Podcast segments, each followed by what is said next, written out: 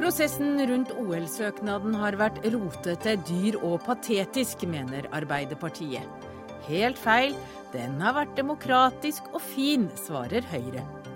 Det var nissementalitet og Oslo-hat som kostet Norge vinter-OL. Det mener Østlandsredaktør. Men Dagsnytt 18 har også andre saker i kveld. Kommunesammenslåing må vente til eldrebølgen er over. Det mener forsker, som møter moderniseringsministeren til debatt.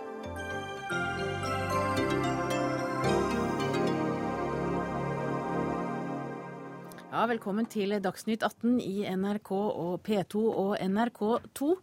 Før sju får du også møte opprøreren Aslak Borgersrud, som nå går fra gatas til nasjonens parlament.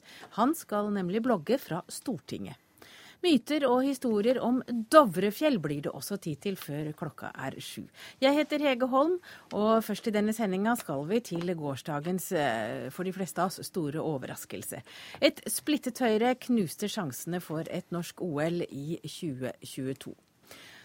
For, for, hva var det egentlig som skjedde? I Aktuelt i går så ga Ap-leder Jonas Gahr Støre regjeringen det glatte lag da han karakteriserte prosessen fram til at OL-søknaden ble trukket. Og det har fått mange i Høyre til å reagere i dag.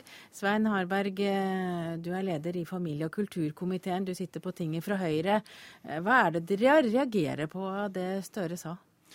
Nei, vi er jo, vi er jo forundra, og, og, og Støre har brukt ordet patetisk. Det syns jo vi.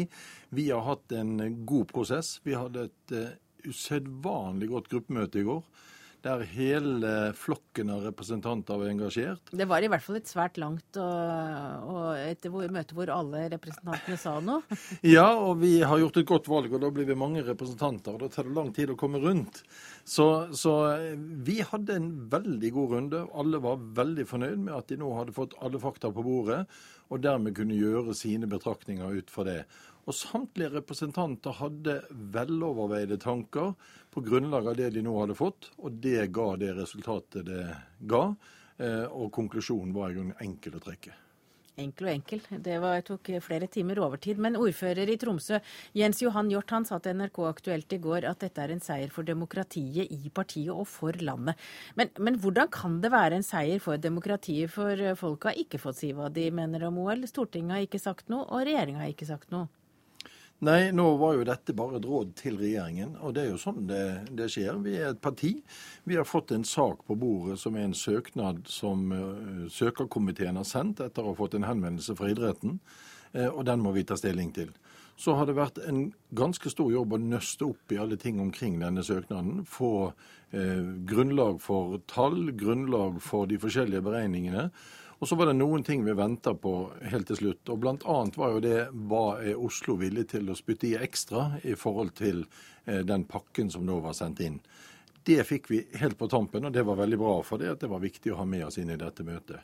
Da hadde vi en grundig runde på det. Og det er jo det som er det demokratiet i et parti. Det er det at vi kan behandle det i stortingsgruppen, og så skulle vi gi et råd til regjeringen. Men det er ikke litt snurrig da at et par-tre medlemmer som eh, vakler seg fram til et nei, eh, legger hele OL i grus? Jo, hvis det var tilfellet, så hadde jeg vært enig med deg, men det var ikke tilfellet. Eh, så her er det ingen som har vakla. Her, som jeg sa, var det veloverveide beslutninger.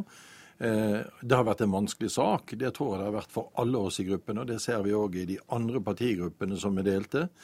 Eh, men, men eh, jeg følte ingen vakling. Det var folk som hadde vært i tvil, og som på grunnlag av alle de opplysningene de nå satt med, landet der de landet. Og når gruppen var så delt, så ville det være umulig for oss å si med entusiasme at her går vi videre. Så rådet måtte være at det ikke skulle gis en statsgaranti. Rigmor Aasrud, du eh, også, sitter også i familie- og kulturkomiteen for Arbeiderpartiet. Du har uttalt deg kritisk om prosessen og sagt at regjeringen burde stanset prosessen før. På hvilket tidspunkt mener du at de burde satt ned foten? Ja, ja, det er jo for det første har jeg lyst på å si at det er jo opposisjonens rolle å være kritisk til det som regjeringa jobber med. Og øh, det var altså sånn at kvalitetssikringsrapporten forelå før jul i fjor. Uh, så sendte regjeringa en teknisk garanti til IOC i mars. Uh, på det tidspunktet var det store diskusjoner om champagnefaktoren i IOC, urimelige krav. Vi oppfatta at statsråd Vidve sendte et brev til IOC om at vi ikke stilte og kunne akseptere akseptere de kravene. Vi registrerte at Høyre og Fremskrittspartiet sendte et brev til søkekomiteen der de sa det samme, noe vi var helt enig i. For det vi har sett av IOC både før og etterpå, ikke minst de kommentarene vi har sett i dag, er jo helt uakseptable. Og Da måtte man jo få et svar på dette her. Og da kunne man eh, ha avslutta saken da, lagt den fram til behandling. Eh, så gjorde man ikke det. Og vi har venta lenge nå, da. Eh, vi trodde jo at man hadde fått et positivt tilbakemelding fra IOC på noen av de kravene man hadde stilt, så viser det seg at uh, manualen gjelder fortsatt. Og så I tillegg så sitter man altså da fra jul og fram til nå og forhandler med Oslo kommune om å bli enige om kostnadsdelinga. De andre kommunene som var involvert, var jo ferdig med den forhandlinga til jul. Så tempoet i dette her så har jo vært kritikkverdig, mener vi. Og dette burde man kunne klart å fått igjennom. Men er det en udemokratisk prosess? Altså, Høyre har jo gjort sitt valg. Eh, Stortinget vi har ikke hatt noe grunnlag for å behandle saken enda. Eh, så vi må jo bare ta til etterretning at eh, Høyres stortingsgruppe valgte å ikke gi noe råd til regjeringa. og at... Oslo trakk søknaden. Ja. ja, nå er det jo direkte feil at vi ikke ga et råd til regjeringen. Det var jo helt klart at vi sa at med den delte gruppen så var vårt råd at det ikke skulle gis statsgaranti. Eh, og Toril Vidvei, vår kulturminister, har jo hele tiden sagt at dersom det skulle bli et nei fra regjeringen, så kommer det en melding til Stortinget. Dersom det skulle bli et ja, så kommer det en proposisjon. Nå trakk de jo søknaden før regjeringen fikk behandlet dette videre. Og da blir det selvfølgelig ingen sak til Stortinget. Men det har jo ikke noe med Høyres gruppe og den demokratiske prosessen å gjøre det. Så det får en jo ta opp med søkerkomiteen i Oslo. Det, det, er jo litt merkelig å høre på det her, for uh, Toril Vidve har jo vært veldig tydelig på at det var for for et OL. Eh, Regjeringa har vært inne i saken mange ganger. Bl.a. så ga man de tekniske garantiene til IOC i mars. Eh, så regjeringa har jo vært involvert i denne saken. Man må jo forvente at eh, når Høyre sitter i regjering, Høyre har byrådslederen i Oslo, at det er en viss samhandling mellom Høyre og på de forskjellige nivåene for å avklare eh, om han er enig eller ikke enig om saken. Så jeg syns man kunne ha stoppet den saken på et tidligere tidspunkt. Det syns vi er kritikkverdig. At man har latt saken drive helt fram til eh, målstreken på en måte. Eh, og så eh, har vi også sagt at nå får vi legge det bak oss. Nå får vi eh, se på de innspillene idretten har til hvordan vi kan komme oss videre. Jobbe med idrettens behov for breddeanlegg. Men, men hvorfor har ikke Arbeiderpartiet tatt standpunkt til eh, hva dere mener ja, om det, et det OL i Oslo i 2022? Det, det Mange andre partier har jo gjort det. Ja, Vi er opptatt av når vi skal ta en beslutning i en så stor sak, som også har vært veldig krevende hos oss. Det er ikke til å legge skjul på. Mange har vært for, mange har vært imot, og veldig, en stor del av gruppa vår har vært usikker. Da trenger man fakta på bordet. Og de siste faktaene kom jo senest kvelden før uh, Høyre tok sin uh, gruppebehandling. da. Kostnadsdelinga mellom Oslo kommune og staten. Det utgjorde to, mellom to og tre milliarder kroner. Det er klart, Sånne ting var viktig for oss å få på plass. Og jeg er veldig overraska over at man nå Det viser seg at de urimelige kravene som IOC har stilt, ikke var mulig å forhandle bort. Men, men blir, nå blir det patetisk. For nå sier altså Rigmor Aasrud at de har ikke villet ta stilling til det, for de vil ha alle fakta på bordet. Samtidig så sier hun at vi burde tatt en avgjørelse før vi hadde alle fakta på bordet. Vi har tenkt det samme som Aasrud sier. Vi vil ha fakta på bordet, og så behandlet vi det. Og så må jeg få si en ting til. Ja, noen ting skulle vi ønske å vært avklart tidligere. Noen ting ble avklart. Men vi må jo huske at Oslo som, eller søkerkomiteen også har fått igjennom ting i IOC så var vi skritt i riktig retning. Nå anbefaler IOC at Host City Contract offentliggjøres, og at det er full åpenhet omkring det. For et år siden så fikk de kjeft for de offentliggjorde manualer. Nå er fristen for at IOC ensidig kan utvide programmet, flyttet til før du skriver under kontrakten. Før var det tre år før arrangementet. Så vi har jo virkelig oppnådd noe underveis. Og vi hadde kanskje håp om at vi skulle oppnå enda mer. Men betingelsene for å gå for en søknad nå, også for de som var positive, ble så store at vi så at det var ikke tid og rom for å få det på plass. Men det er jo noen vesentlige ting man ikke har oppnådd oppi dette. her, og Det er å få fram de urimelige kravene som IOC hadde, bl.a. Eh, champagne, servering osv. Det kunne man etter min mening ha avklart på et tidligere tidspunkt. Og man kunne i alle fall ha avklart og sett mer trøkk på de forhandlingene med Oslo kommune, sånn at man hadde hatt klarert det på et langt tidligere tidspunkt. Og, og, statsråden sa jo at uh, man regner med å være ferdig med saken i august. Det var også det som gikk ut i pressemeldingen fra Oslo 2022, at vi ville få en sak da. Så saken har dratt veldig langt ut, og det mener vi er uheldig. Det har vært brukt mye tid og krefter på en sak som uh, ja, uh, Det viste seg at det ikke var grunnlag for den positiviteten som noen la i bl.a. de mulighetene som var til å endre og påvirke IOC. Men det positive nå er jo at Oslo som en av søkerkommunene har brukt penger på å planlegge, og har sagt at dette vil de følge opp videre. Det er bra for idretten. Ja, det trenger virkelig Oslo. For Oslo henger veldig etter når det gjelder idrettsanlegg. Og det skal vi glede oss veldig over nå. Og det skal vi snakke mer om siden. Nå skal vi få inn idretten. Takk til dere, Svein Harberg og Rigmor Aasrud. Og inn i studio her eh, kommer eh, Ja, det er vel ikke en av de som er lykkeligst i dag for Inge Andersen, generalsekretær i Idrettsforbundet. Hvordan har dagen vært? Dagen, eh, altså Det er ikke noe å legge skjul på det at både jeg og mange i norsk idrett er skuffet. Vi har jobbet ut fra et mandat og med en, et prosjekt som vi har hatt veldig stor tro på. Eh, vil gi norsk idrett et videre løft, både i utvikling av nye utøvere, frivillige ledere og trenere, og en betydelig anleggsutvikling. Eh, det eh, har vi ikke lykkes med. Men i etterpåklokskapens lys, er det noe dere kunne gjort annerledes? Det er det selvsagt helt sikkert, men det er jo Men ikke noe du har tenkt på i dag? jo, vi har hatt et telefonstyremøte i dag, og vi har Eh, begynt eh, den prosessen. Eh, og det er helt klart at vi har ikke nådd frem med våre budskap om det som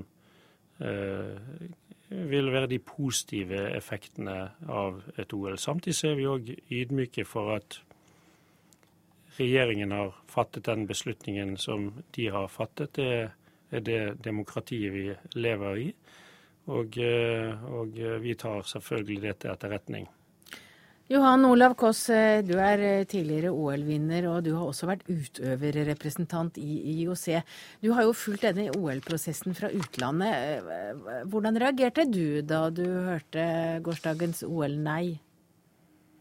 Nei, det er klart Jeg tror jeg var like skuffa som Inge, på en måte. Det er klart mange som har håpa på spesielt en eh, fantastisk arbeid som er gjort i den selve første søknaden som ble lagt fram for å kunne heve idretten i Oslo og omegn.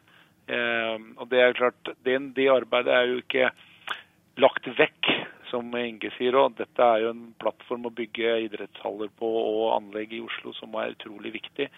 Eh, og så får vi bygge det videre. Jeg tror jo også at det hadde vært en stor mulighet til å fortsatt påvirke IOC i framtida hadde vi hatt OL. Den er nok litt minsket nå i den sammenhengen, eh, samtidig som vi som ble nevnt tidligere i sendinga, at det har vært, en, vært noe påvirkning opp til, eh, opp til, i dag.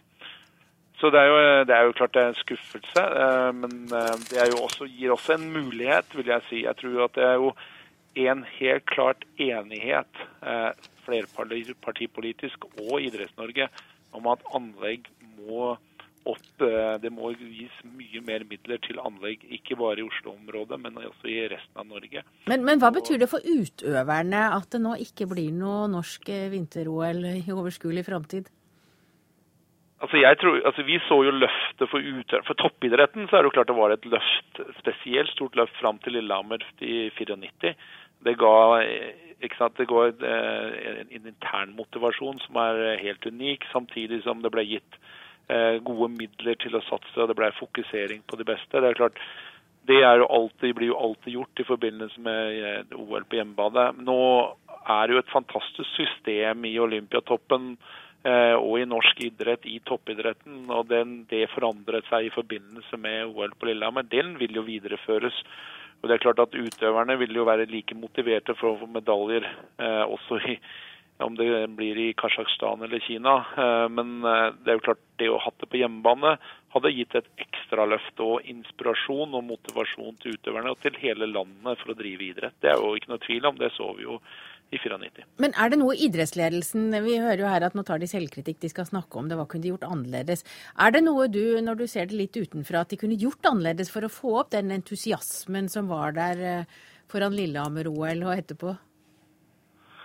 Vel, altså, eh, Nå er ikke jeg her til å kritisere verken eh, idretten eller kandidat Oslo, for å si det sånn de har jobbet ekstremt hardt for å, få, for å få støtte mot det prosjektet. Og det er klart, det har jo ikke vært støtte i det norske folket.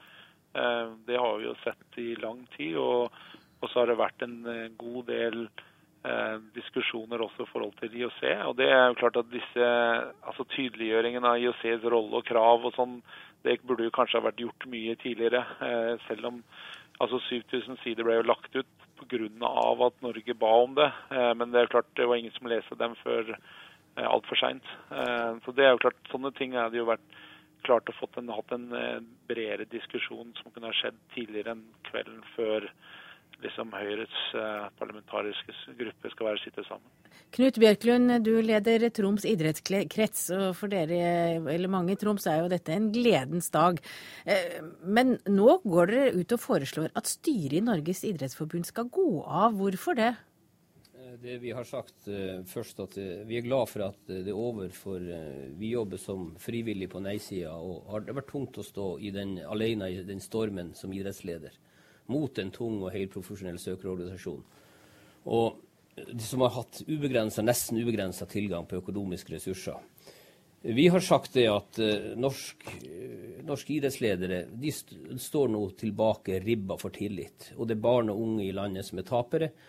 Fordi at man har hatt, aldri har hatt en plan B. Man har hatt så enøyd tro på, på OL-prosjektet og mente at det ville gå igjennom. Alternativet var å kjøre utfor stupet, og det har man gjort. Slik at nå venter det en hard jobbing for norsk idrett. Vi må faktisk, for å gjenskape tilliten, skaffe en ny ledelse i, for idretten. Det skal jo være idrettsting til eh, i juni.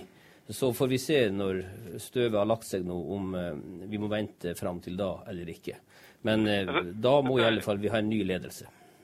Johan her, jeg bare tenker at altså jeg synes det er litt altså om idrettsstyret går eller ikke, det er opp til tinget å bestemme neste år. Men det er jo urimelig å si at det går utover barn og ungdom. Jeg tror jo at eh, både Tromsø og hele Norge skal nå må sitte sammen og få eh, Det har jo vært en fantastisk bred politisk enighet og en øk, økende midler til anlegg i hele Norge.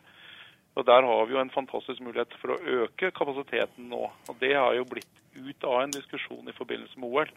Så det er klart at OL har jo også ledet til den enigheten eh, på Stortinget for å kunne skape større midler til anlegg for hele Norge. Og det tror jeg at der har vi jo fått en et fantastisk plattform til å kunne ha en, en, en bredere dialog med både Kulturdepartementet og med regjeringa generelt. Men Inge Andersen, har dere, altså dette er jo et nederlag for dere. Har, har, dere vurdert i ledelsen om dere skal Det heter vel å stille deres plasser til disposisjon? Ja, Trekke dere?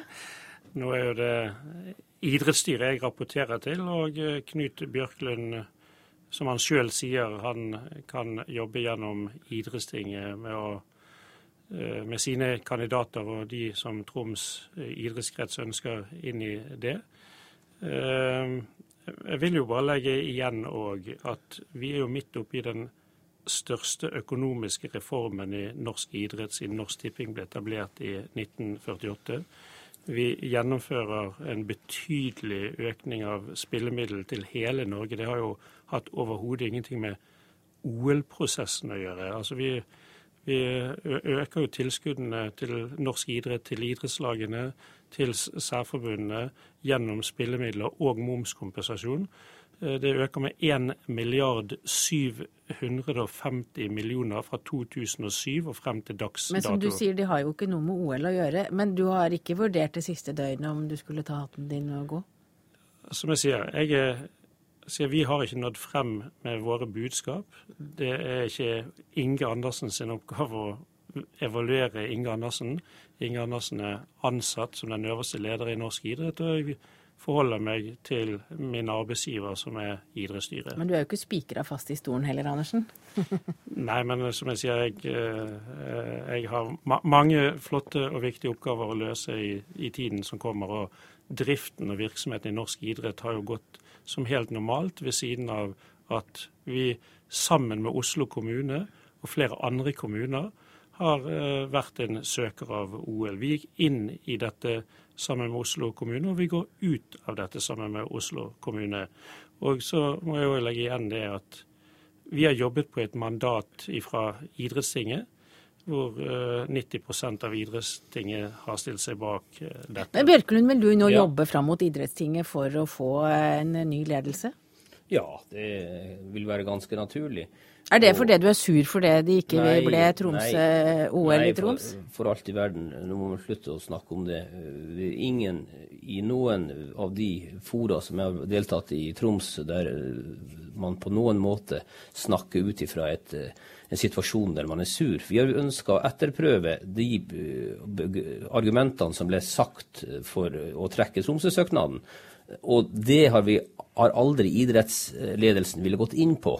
Det som er kostnad, etterslep og mangelen på idrettsanlegg i hele landet. Og jeg mener helt klart vi har en stor oppgave nå å samle norsk idrett om de oppgavene som er viktige, nemlig bedre utbygging i hele landet når det gjelder idrettsanlegg, satsing på bredden, både i, i Oslo og, og, og andre plasser, men også når vi snakker om Oslo spesielt, og det er jeg opptatt av, det er at Oslo har ikke tatt sitt ansvar når det gjelder bygging av idrettsanlegg på mange, mange år. De står og viser fram det gamle eh, Jordal Amfi, akkurat som noen har nekta de å rehabilitere det anlegget både to og tre ganger siden 1952. Som jeg har sagt tidligere i dag, de må bare passe seg så ikke Riksantikvaren kommer og verner det, så de ikke får bruke det i hele tatt. Men nå sies det at noe skal gjøres eh, med det. Men, men det kommer jo OL på norsk jord, for vi har med oss flere her. For eh, det har kanskje drukna litt, men altså Norge skal ha ungdoms-OL på Lillehammer. Og det skjer i 2016. Og du er leder av kommunikasjon og samfunnsavdelingen der, Magne Vikørn. Eh, Hvor mange gratis drinker, egne filer og skiftende varmretter blir det på IOC-toppene på Lillehammer i 2016? Det er et fryktelig enkelt svar på, for det er rett og slett ingen på våre arenaer rundt omkring. Så blir det ikke alkoholservering, og det blir de vanlige transportmåtene som må bli brukt. Hos oss så må IOC-president og andre gjester, som skal bli, selvsagt bli mottatt på naturlig norsk, eh, høflig måte, de må ta busser og fellestransport sånn som vi legger opp til. Eh, Med andre ord, vi har, noen helt, eller vi har ikke sånne krav som det har vært framme i media nå de siste dagene. Men hvor godt, men kjenner du deg i det hele tatt igjen i omtalen av eh, IOC? Som du har hørt de siste jo- dagene? Ja, Vi sitter jo og jobber med IOC nærmest på daglig basis. Vi er jo med dette OL som vi allerede har fått, morgendagens OL, som kanskje er den største reformeringsprosessen eh, til IOC noensinne.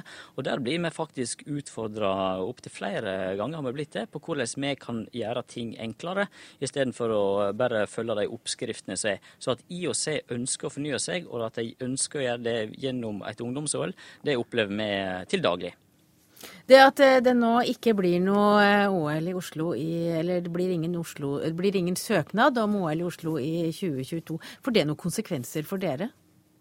Vi tenker nå at eh, vi blir jo viktigere enn noen gang, slik som jeg ser det. Vi blir jo nå sjansen for denne generasjonen til kanskje til å oppleve et olympisk eh, arrangement på norsk jord. Og vi gjør dette her i hovedsak for ungdommen, og ønsker å skape en stor ungdommelig festival på Lillehammer, på Hamar, i Øyer og på Gjøvik i 2016. Og dette blir jo da Norge sin sjanse og jeg vil si IOC sin sjanse til å vise hvordan morgendagens olympiske leker kan se ut.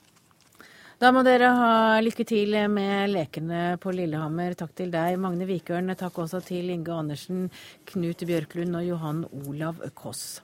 Vi skal eh, ikke slutte å snakke om OL, men vi skal eh, skifte panel her. For eh, i dag kunne mange lese, om ikke de leste avisa, så kunne de i hvert fall lese på sosiale medier en kommentar i Bærumsavisa Asker, nei, Bustika, Asker og Bærumsavisa Bustika. Eh, nissementalitet i distriktene kostet eh, Norge vinter-OL i 2022. Det skrev du, ansvarlig redaktør Kjersti Sortland.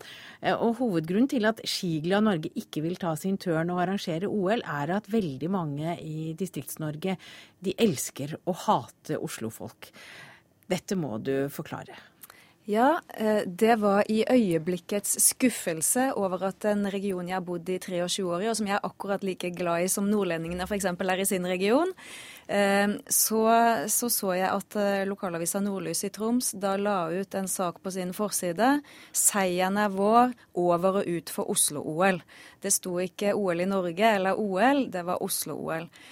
Og denne retorikken mener jeg, altså denne holdningen har ligget under i Oslos forsøk på å skaffe eh, støtte og en fellesskapsfølelse rundt et løft og en um, vinteridrettsfest og påfølgende nasjonalt løft for idrettsanlegg og, og sårt tiltrengt infrastruktur i Oslo.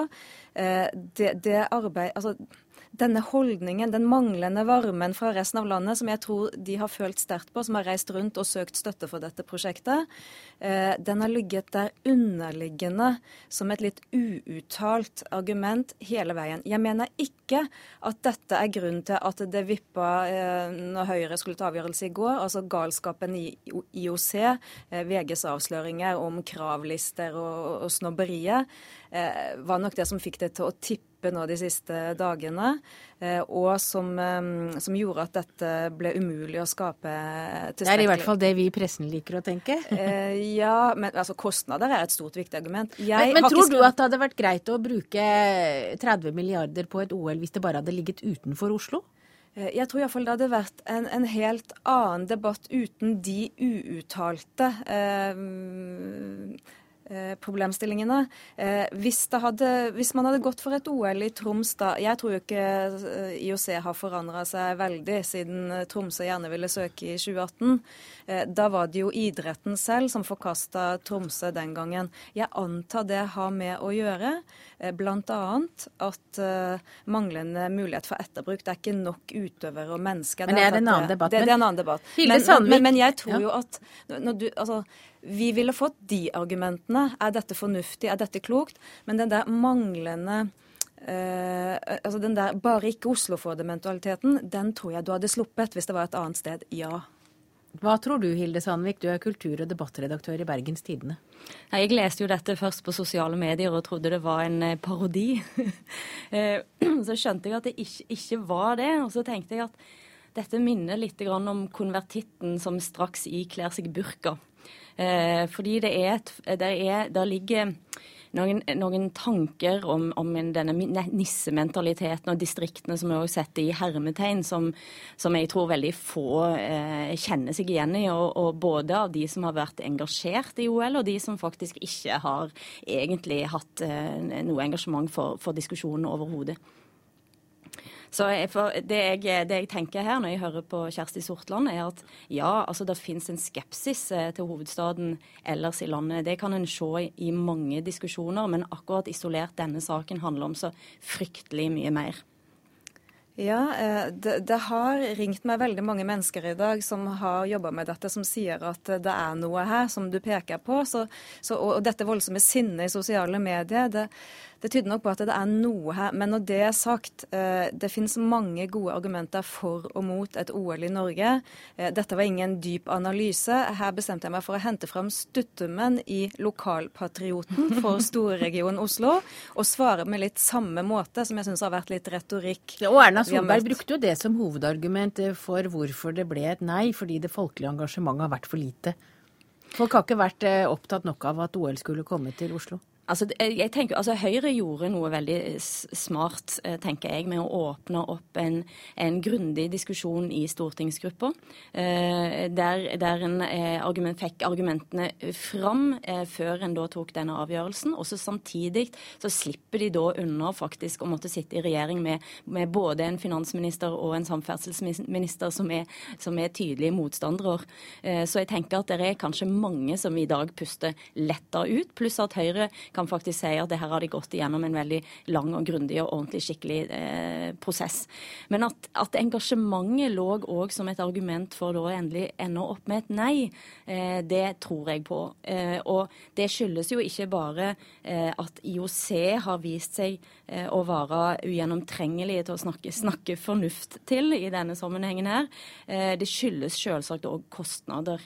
Eh, og Oslo skal, altså, Oslo skal gjennom nå store eh, finansielle løft i årene framover, med eller uten OL, så kommer den byen til å få en helt annen infrastruktur. Men Kjersti Sortland, åpenbart, eh, når jeg hører din dialekt, så er jo du innflytter også. Du vet ikke helt Hvor kommer ja, du fra? Du, jeg har vokst opp i Trondheim, Bergen og Sunnhordland, så skarrieren henger igjen. Men, men, nå har jeg bodd lengst i livet mitt i men, men hvordan merker du det du kaller hatet mot oslofolk? Eh, man, man, merker det på at det er lov å sitte og raljere på den måten jeg bestemte meg for å gjøre i går kveld. Hvis du sitter utenfor Oslo og, reagerer, eh, og mot eh, statsmakta, hvordan de holder på nede i Oslo, og, og, og den skepsisen. Men, men, når det er sagt, det, det som blir sagt her om at Eh, Oslo eh, må ta store løft. Ja, nå har jo Fabian Stang sagt at det arbeidet starter i dag med å gi idrettsanlegg til eh, ungdommen i Store-Oslo. Men det vil ta mye lengre tid og bli mye vanskeligere å finansiere når det ikke blir et OL i Oslo. Jeg syns det er leit på vegne av regionen. Man må akseptere at sånn ble det. Man må akseptere at det ikke ble fellesskapsfølelse nok. Det blir et nei. Eh, men jeg må få lov å si at jeg syns det er leit. Og, og Oslo, eh, som har så store voksesmerter nå, som, som, er en region under så stort press Vi hadde virkelig trengt dette nasjonale løftet. Og, og, og jeg syns det er synd at det ligger et uuttalt sånn underliggende argument her som, eh, som, som, Oslo dessverre må forholde seg til. Så var ikke dette noe annet enn et hjertesukk i går. Men nå kan Sandvik, da, som bor på den andre siden ja, av vannskillet Kjersti Sortland, det jeg lurer på, det ene er jo selvsagt hvordan definerer du nissementaliteten? Og det andre, når du skriver at, at, Vestlandet og Tromsø gir blaffen i at det er så vanskelig å finne treningsbaner eh, i sentrale Oslo-strøk, så tenker jeg ja, det, ikke, det, ligger ikke øverst oppe på min bekymringsliste, akkurat det. Men hvor ligger, altså hva mener du for det første med distrikter? Er det alt utenfor? og hva er det jeg satte det jo hermetegn fordi dette er litt uh, Stor-Oslo mot, uh, mot, mot, resten. Mot, mot resten. Uh, og det må Oslo for sett og vis forholde seg til. Men jeg mener ikke bare så det er sagt, at alle som har et nei til OL-stempel, har nissementalitet. Det jeg syns er nissementalitet, det er den holdningen bare ikke Oslo får det. Det er nissementalitet. Hvor, hvor kommer den ifra, vil du si? Eh, den syns jeg jeg ser når jeg ser eh, skribenter på Vestlandet skrive at eh, hvis Oslo får OL, så melder vi oss ut. Jeg syns jeg ser den når Nordlys sier seieren er vår, eh, over og ut med Oslo. Eh, vi forsøkte å få med Nordlys i dag, men det var umulig. bare så det er sagt. Ja. Jeg har debattert med kulturredaktøren i Nordlys før i dag. Han er en veldig hyggelig mann, og jeg skal debattere med han senere i kveld. Så de er også med i debatten. Men, men, men når dette er sagt eh, det er som sagt gode argumenter for og mot OL. Eh, jeg ville bare uttrykke den samme lokalpatriotismen eh, for den regionen jeg bor i, som, som sårt hadde trengt et OL-løft. Og Men du, framstår, du framstår fryktelig krenka. Og det er jo eh, ja, Jeg, jeg henta fram stuttepennimet, men det var for å provosere med vilje. Og det klarte du. Takk til Kjersti Sortland og Hilde Sandvik. Da, er, eh, da, skal vi eh, på en måte avslutte dette kapitlet om eh, Oslo-OL for denne gang. Magnus Takvam, du er politisk kommentator her i NRK. Og vi har altså tidligere i sendingen hørt at Arbeiderpartiet kritiserer Høyre og regjeringens håndtering av denne saken. Hvordan bruker Arbeiderpartiet dette for å på en måte fremme seg selv? Det er jo, eh, som Rigmor Aasrud vel sa, opposisjonens rolle å kritisere regjeringen. Og i utgangspunktet burde det jo være nok og, uh, materiale å ta regjeringen på i en sånn sak. Jeg mener regjeringen uh, var innstilt på, hvis Høyres gruppe hadde sagt ja, å gå splittet til Stortinget, altså at Frp og Høyre hadde ulike syn, dissens i regjeringen. Det er et poeng som opposisjonen opplagt kunne ha kan kunne ha pekt på uh, politisk. Og også hele liksom, prosessen at veldig mange av de viktige avklaringene kom veldig seint mot slutten når det gjaldt kostnader osv. Så, videre. så det var nok for en opposisjon å kritisere. Men i, akkurat i går så, så, følte nok mange at det ble litt overspill da Støre sa dette med at uh, behandlingen var patetisk osv. Der ble det nok en overreaksjon fra Arbeiderpartiet som slo tilbake på dem selv, all den tid de ikke hadde tatt noe standpunkt i Arbeiderpartiet om saken og kritiserte Høyre for, for å ikke komme med noe råd. Sånn at de, de Men har det vært en uryddig, ikke-demokratisk prosess? Ja, altså, det som har skjedd, er jo at tilhengerne av eh, et OL i Oslo 2022 har gjort en for dårlig jobb fordi de ikke har greid å få eh, befolkningen og det politiske miljøet i tilstrekkelig grad med seg. Og så kan man selvfølgelig drive en skyldfordeling eh, på detaljnivå etterpå. Mye av kritikken fra det politiske miljøet, f.eks. fra Høyre, retter seg mot IOC, naturlig nok. Alt dette med disse kravene til, til ekstravaganser osv. Mye av det er åpenbart riktig i opinionen. Jeg tror opinionen har, har uh, reagert veldig på det. Men samtidig er det jo godt å ha skal vi si, nyttige idioter å skylde på. slik at det er, eh, det, er, eh, det er, også et element her. Men jeg tror det er en veldig lang rekke av faktorer som har ført til det som skjedde i går. Men bunnlinjen i det hele er at det ikke har vært oppslutning nok i folket om et OL i Oslo 2022. Ja, Esten Nosæter, du er kommentator i Dagbladet. Hvorfor gikk det galt for idretten? Det er helt åpenbart at man ikke hadde forankret eh, nok. De trodde at det holdt med begeistringen i Oslo rundt ski-VM, som jo var en voldsom begeistring. Og vi kunne jo alle tro at det var en nasjonal begeistring, for det var jo virkelig folkefest her. Og så satte Oslo Høyre i gang. Eh, og så hadde ikke Oslo Høyre forankret det nok inn mot eh, sitt nasjonale parti. Og jeg tror det er lærdommen fra idretten sin side, at skal man få til noe så stort, så må det være et partipolitisk ønske. Altså det må starte i et av de store partiene, da sannsynligvis Arbeiderpartiet eller Høyre. Ja, Det må starte nasjonalt? Ja. Eh, så må man begynne med, det var, Nå var jo egentlig Tromsø et forsøk på å starte nasjonalt også, ikke sant? For dette var jo en ren politikerbestemt at det skulle være Tromsø. og Man ønsket det pga. nordområdene, og det var en Arbeiderparti-villet ting. Men der ble det jo helt gærent, fordi Tromsø hadde dårligste, dårligste konseptet for etterbruk. ikke sant? Slik at det var naturlig at idretten ikke syntes det var noe særlig stilig. Og, og var imot at det ble Tromsø. Men alle snakker om den folkelige forankringen som manglet. Men uh, husker du tilbake så langt som i, i 1988, da Lillehammer fikk Var det voldsom jo, entusiasme ikke, da? Dette er jo veldig, derfor jeg sitter og småler litt. fordi denne manualen som IOC helt tydelig har glemt å renske opp i, for den stemmer ikke med de endringene som nå har vært i IOC det siste året, stemmer ikke manualen i det hele tatt. Men Manualen var jo der ganske så sikkert i 1994. Altså I 1994 så var IOC en helt annen selskapsklubb enn det er i dag. Og hvis vi tenker tilbake til Lillehammer så hadde vi jo det kjempemorsomt alle sammen. Men var vi veldig entusiastiske rundt søknaden? Nei, ja, rundt søknaden var vi vel eh, nyfiken entusiast, fordi det var mange år siden sist, ikke sant. Og så kom dette siste opprøret med Vegard Ulvang som sto opp mot IOC akkurat idet de ankom Norge, og så ble det en del bråk. Og så var kongen inn og ordnet litt, og Heiberg var inn og ordnet litt. Og så var vi alle kjempeglade etterpå. Og det er den ettertanken, altså forholdet mellom det at noen gjester krever at det skal stå eh, champagne klar for dem, Eh, og vanlig norsk høflighet at vi pleier jo, bør jo by på et glass med et eller annet i. Jeg er avholdsmann omtrent sjøl, så jeg kan klare meg med noe saft. Men, men altså, det syns jeg vi skal by på. Det blir for lite å si at vi er irritert fordi noen ber om en gratis drink. Er det noe vi liker alle sammen, så er det vel gratis drinker, altså. men du mener at det er eh, mulig å søke en gang til? Ja, jeg syns dette er, det blir litt smålig. Altså, jeg syns dette er litt sånn norsk på sitt aller dårligste måte, rett og slett. At vi skal være så innmari mye bedre enn alle andre i verden og vite hvordan det store internasjonale skal drives. Vi blir så innmari moralske at det er ekkelt å høre på, syns jeg. Da kjenner du det òg, Magnus Takvam, at det er litt ubehagelig?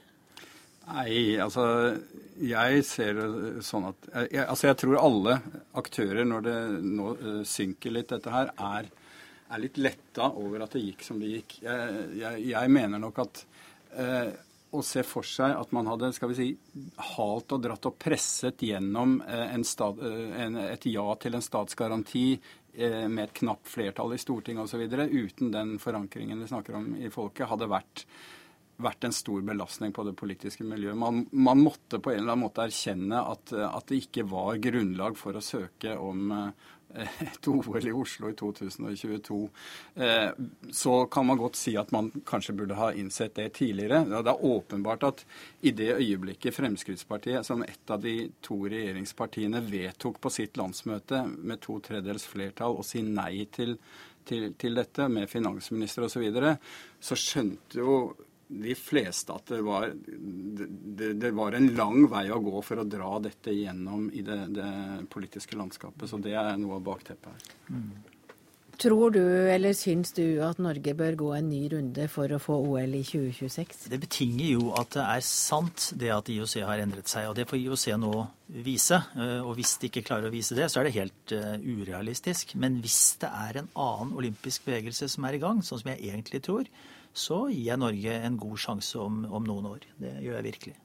Takk til Magnus Takvam og Esten Aasæter. Dagsnytt 18 alle hverdager klokka 18. På NRK P2 og NRK2.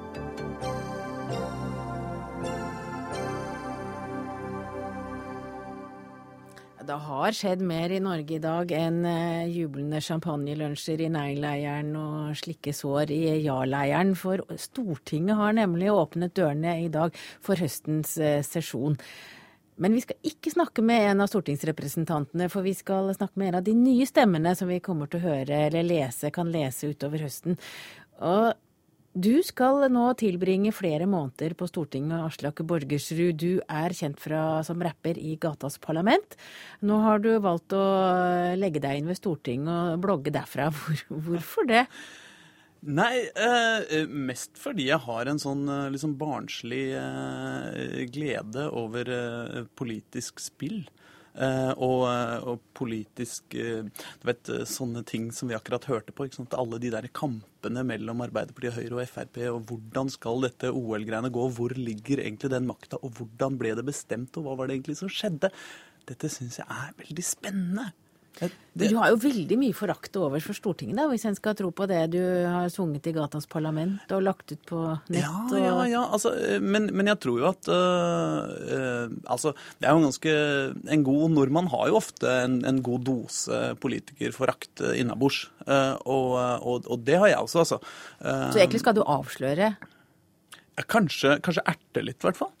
Kanskje prøve å, å, å finne ut hvor, hvor mektig i hvor eh, Jeg prøver å finne ut eh, interessante ting om hva som foregår der inne. Ja, Hva er det du er nysgjerrig på, da? Jeg er nysgjerrig på uh, Først og fremst er jeg, er nysgjerrig på, på, hvordan avgjørelsene tas, og, og, hvor mye makt det egentlig er i det huset der. Altså hvor hva, hva, kan de egentlig gjøre hvis de vil? Hvor, hvor, hvor, mye, hvor mye er det som er pomp og prakt, og hvor mye er det som er faktisk ekte politikk? Men det er klart at jeg tenker jo, jeg er jo en, en, jeg liker å skrive, da. Jeg liker å fortelle historier og sånn. Og, og, eh, jeg tror jo at ethvert hus som har liksom 1000 ansatte og milliarder av kroner i, i, eh, i, budsjett, er jo et spennende sted å fortelle historier fra. Og prøve å gå inn der og se ok, hva er det som er gøy her, hva er det som er interessant her, hvilke historier kan vi finne?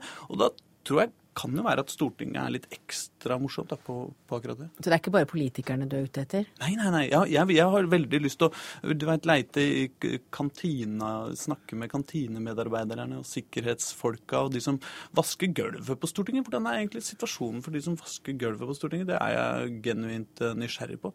For ikke å snakke om hvordan, hvordan tilstanden er på treningsrommet i, i kjelleren. Hvordan luktene er, hvordan de ser ut i det er jo akkurat det ble nesten litt skremmende når du sier det. Men i dag har du altså vært med på åpningen. Hva skal du skrive om den? Nei, den har jeg skrevet om allerede. Ja, det er jo blogg. Du? Det går jo fort. Ja, så det går fort. Hva er det du har, det, men jeg har ikke rukket å lese det ennå. Hva er det du har skrevet? Nei, eh, der har jeg skrevet eh, Det er jo en veldig eh, det er kanskje det aller fremste av pomp og prakt vi har i Norge. Åpninga av, av Stortinget. Altså, Du ble egentlig bare litt tatt av høytiden, du kanskje? Ja, men, nei, men du vet at høyt, altså Nordmenn er ikke så gode på høytid. Nettopp, Vi har ganske lite av det, så, så, så, så vi her blir veldig rare når det blir veldig høytidelig. Men vi oppfører oss rart, og det gjelder nesten alle, alle unntatt de militære. De militære de har greie på det, de veit akkurat hvordan de skal gjøre og det går fint. Men alle vi andre Uh, vi, vi, blir litt nølende og rare, vet ikke hvor vi skal gjøre av hendene våre. Og, og vet ikke helt hvor vi skal se. Og, og dette gjelder ikke minst altså stortingspolitikere og, og, ministre og hele pakka. Og det var ganske gøy, akkurat det. Uh, men så er det en masse andre ting med den, med den pompen og prakten som jeg syns er morsom. F.eks. det faktum at alle stortingspolitikerne må bli sittende ut uh, helt, til, uh, helt, til, kongen har forlatt ikke bare rommet, men forlatt hele huset. Og det, ifølge Trine Skei Grande, som, som, er historielærer og trakk meg til side for å fortelle meg denne artige historien, så er det altså uh, en engelsk skikk som, som kommer fra Oliver Cromwell, som, som tross alt altså halshogde sin egen konge på et tidspunkt. Og så, så de skal ikke få anledning til å halshugge kongen? Nei, ja, det er et sikkerhetstiltak for at ikke stortingsrepresentantene skal gå berserk. Men du, da? Ja, det synes jeg ganske... Nei, jeg har ikke tenkt å gå berserk. Så du fikk bare lov å vandre rundt i gangene, du, da? Ja da. Det, er det, altså det, skal de si, det skal sies pent om dette parlamentet. At de er ganske rause med pressa si. Vi, vi, får lov til å gå rundt og, og dille og dalle og se på alt som er. Og, og hvis du ser et kontor, så banker du på døra, og så går du inn. Men Aslak Borgersrud, helt ærlig, har du egentlig en liten stortingsrepresentant i magen? Å nei, virkelig ikke på guve. Nei, jeg skal være der i tre måneder. Eh, og så skal jeg skrive om det eh, så ofte jeg kan på en slask.no. Men, men å, å bli der lenger enn det, det tror jeg kanskje ikke er sunt for deg. Takk til deg. Du skal i hvert fall blogge fra Stortinget i tre måneder. Aslak Borgersrud, rapper og blogger.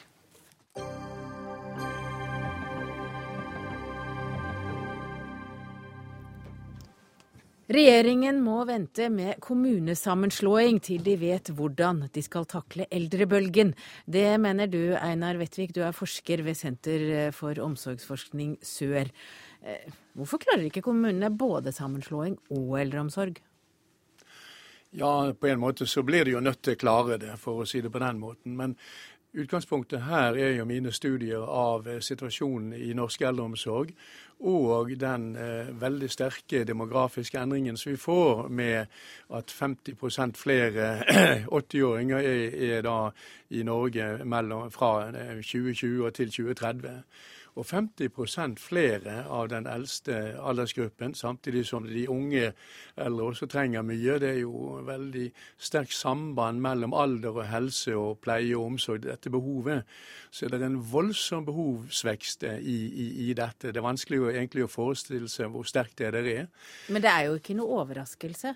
For Nei, lever jo i dag, det, og man kan jo bare legge på Vi er for seint til å reagere på det. og derfor Skal man makte en sånn utfordring, så må man jobbe med planlegging veldig bevisst og godt. Og, og det har, det har man ikke hatt ressurser til. Kommunene jobber veldig fra dag til dag og har nok med å holde unna det som, som er dagens utfordringer og problemer. Og Når vi da får denne voldsomme veksten som, som kommer, Eh, da mener jeg at det blir en veldig Det må bygges en veldig kapasitet i forhold til det vi har i dag for å makte dette på en kvalitativt god måte, som er jo det vi ønsker. Ja, og Når det gjelder vekst, så sies det jo at fra 2020 til 2030 så øker tallet på eldre over 80 år med over 50% så det er jo ganske mange. Men eh, Jan Tore Sanner, du er kommunal- og moderniseringsminister. Eh, vil kommunene være i stand til både å takle eldrebølgen og en omorganiseringsprosess? Kommunereformen er en forutsetning for å kunne håndtere de store utfordringene som, som venter. Så du er helt motsatt? Du mener motsatt? Nei, jo, jo, men jeg, jeg, er enig i hans problembeskrivelse. Eh, for jeg er enig i at eh, utfordringene de kommer. Eh, det blir flere av de eldste eldre. Eh, det blir færre yrkesaktive bak hver pensjonist, og vi får behov for flere varme hender i omsorgen. Det er jeg enig i. Og jeg er også enig i at kommunereformen burde vært gjennomført tidligere. Eh, vi hadde jo debatter på 90-tallet, vi hadde debatter på, på begynnelsen av 2000-tallet. Begge de gangene så gikk det over. Denne gangen så går det ikke over. For de utfordringene som Kommune-Norge står overfor nå, de er nødt til å håndteres. Men, men hvorfor kan flere, altså flere kommuner som slår seg sammen til en stor kommune, eh, behandle sine eldre bedre enn om de var kommune, de kommunene de er i dag? Altså, hva, hva, hva slags stordriftsfordeler er det du tenker? Eh, jeg kan illustrere det med å sitere en ordfører fra, fra Sør-Trøndelag. Han sa at uh, i dag så klarer vi oss ganske greit. Men han sa at når jeg ser en del år frem i tid, så kom, står vi overfor generasjonsskifte både i skolen og innenfor helse og omsorg. Eh, da er det mange av våre dyktige medarbeidere som går av med pensjon. Vi er nødt til å tiltrekke oss flere dyktige, kompetente medarbeidere innenfor helse og omsorg og i kommunene. Da er vi nødt til å være en større og mer attraktiv eh, arbeidsgiver. Men så er det også slik at de utfordringene som vi står overfor, de kommer primært etter 2025. Særlig når det gjelder de eldste eldre, de over 80 år, som har de største omsorgsbehovene. Eh, så vi har, vi har, tid, men vi har ikke tid til å vente. Og Det er grunnen til at eh, regjeringen med god støtte i Stortinget nå har sett fortgang i kommune, kommunereformen. Eh, og Det betyr at vi vil være godt på plass før de store utfordringene kommer. Store kommuner, større tiltrekningskraft på god arbeidskraft og større muligheter for å ivareta eldre, eldres interesser? Ja, på sikt så blir det sånn. Men dette er en lang og kronglete prosess. Den skal gjennomføres. Eh, om alle sånne fusjoner vet vi at det tar lang tid før de setter seg, og de er til å begynne med svære investeringer uten særlig utbytte. Og Poenget er jo at dette kolliderer sånn på tid at eh, det er helt utrolig. fordi at eh, i den tiden man skal gjennomføre da kommunereformen etter den planen som er lagt, så er det jo den tiden man trenger for å bygge alle de nye omsorgsplassene som en trenger i kommunene for å håndtere dette. Men Vettvik, altså det, er en, det er jo en bølge som ikke går over. Den flater jo ikke akkurat ut den flater ut etter hvert. Men det er ganske lenge til. Da tror jeg ikke Sanner lenger eh, får nei. ansvaret ja, for si, eh, si ikke det. si, nei, da, må det nok, da, må du, da, må du nok, eh, faktisk frem til 2030-2040. Ja. Vi ser utfordringene nå. Og jeg er enig med Vettvik at, at dette burde vært gjort før. Men nå er vi nødt til å ha flere tanker i hodet. Og regjeringen har jo nå lagt et løp for å øke kapasiteten innenfor heldøgns pleie. Vi trappet bevilgningene kraftig opp i allerede inneværende års budsjett. Vi satser satse mer på kompetanseløft innenfor helse og omsorg. Og så må vi gjennomføre kommunereformen slik at vi står bedre rustet. Men, men jeg, Sanner, jeg, jeg lurer jo på en ting, for du er jo ikke bare moderniseringsminister, du er jo også kommunalminister. Mm. Og, og, det med akkurat eldrebølge er jo ingen Det kommer jo ikke som noe tsunami, akkurat. Mm. Det er jo bare å se på befolkningen i dag, så kan du, du kunne for 20 mm. år siden mm. regne deg fram til hva som skjer. Hvorfor gjør ikke kommunene noe med det før det eventuelt blir krise? Ja, jeg, er ikke, jeg, er ikke, enig i at ikke kommunene gjør noe med det. Her er det faktisk også et statlig ansvar å legge jo, til rette for kommunene. Å, det er jo lett å på en måte ta høyde jo, for det som men, kommer. Men, men, men uh, bildet er også mer nyansert. Det er veldig mange kommuner som jobber veldig godt med, med, eldreomsorgen og har gode planer og bygger ut. Men så vet vi også at det er forskjeller på kommuner.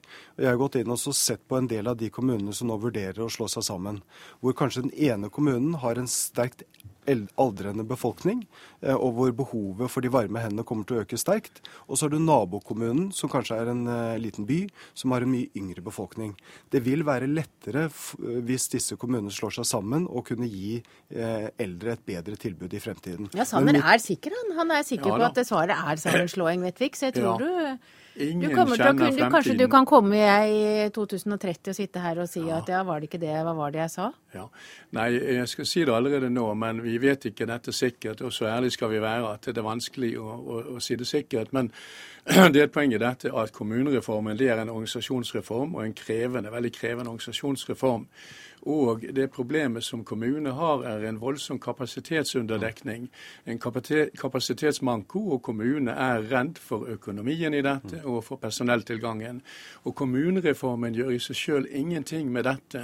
Det er det som er så alvorlig, at vi har en stor, stor, kraftig utfordring som vi på en måte ikke helt har greid å ta inn over oss. Og så sier man eh, at eh, kommunereformen skal hjelpe på dette, jo, og det gjør han ikke før i 2030. Ja, du må være helt kort for vi må få tid til Dovrefjell. Kommunereformen er først og fremst en velferdsreform. og Det er derfor vi skal gjennomføre den. De utfordringene som Vettvik peker på, vil først og fremst komme etter 2025. Det er elleve år frem i tid.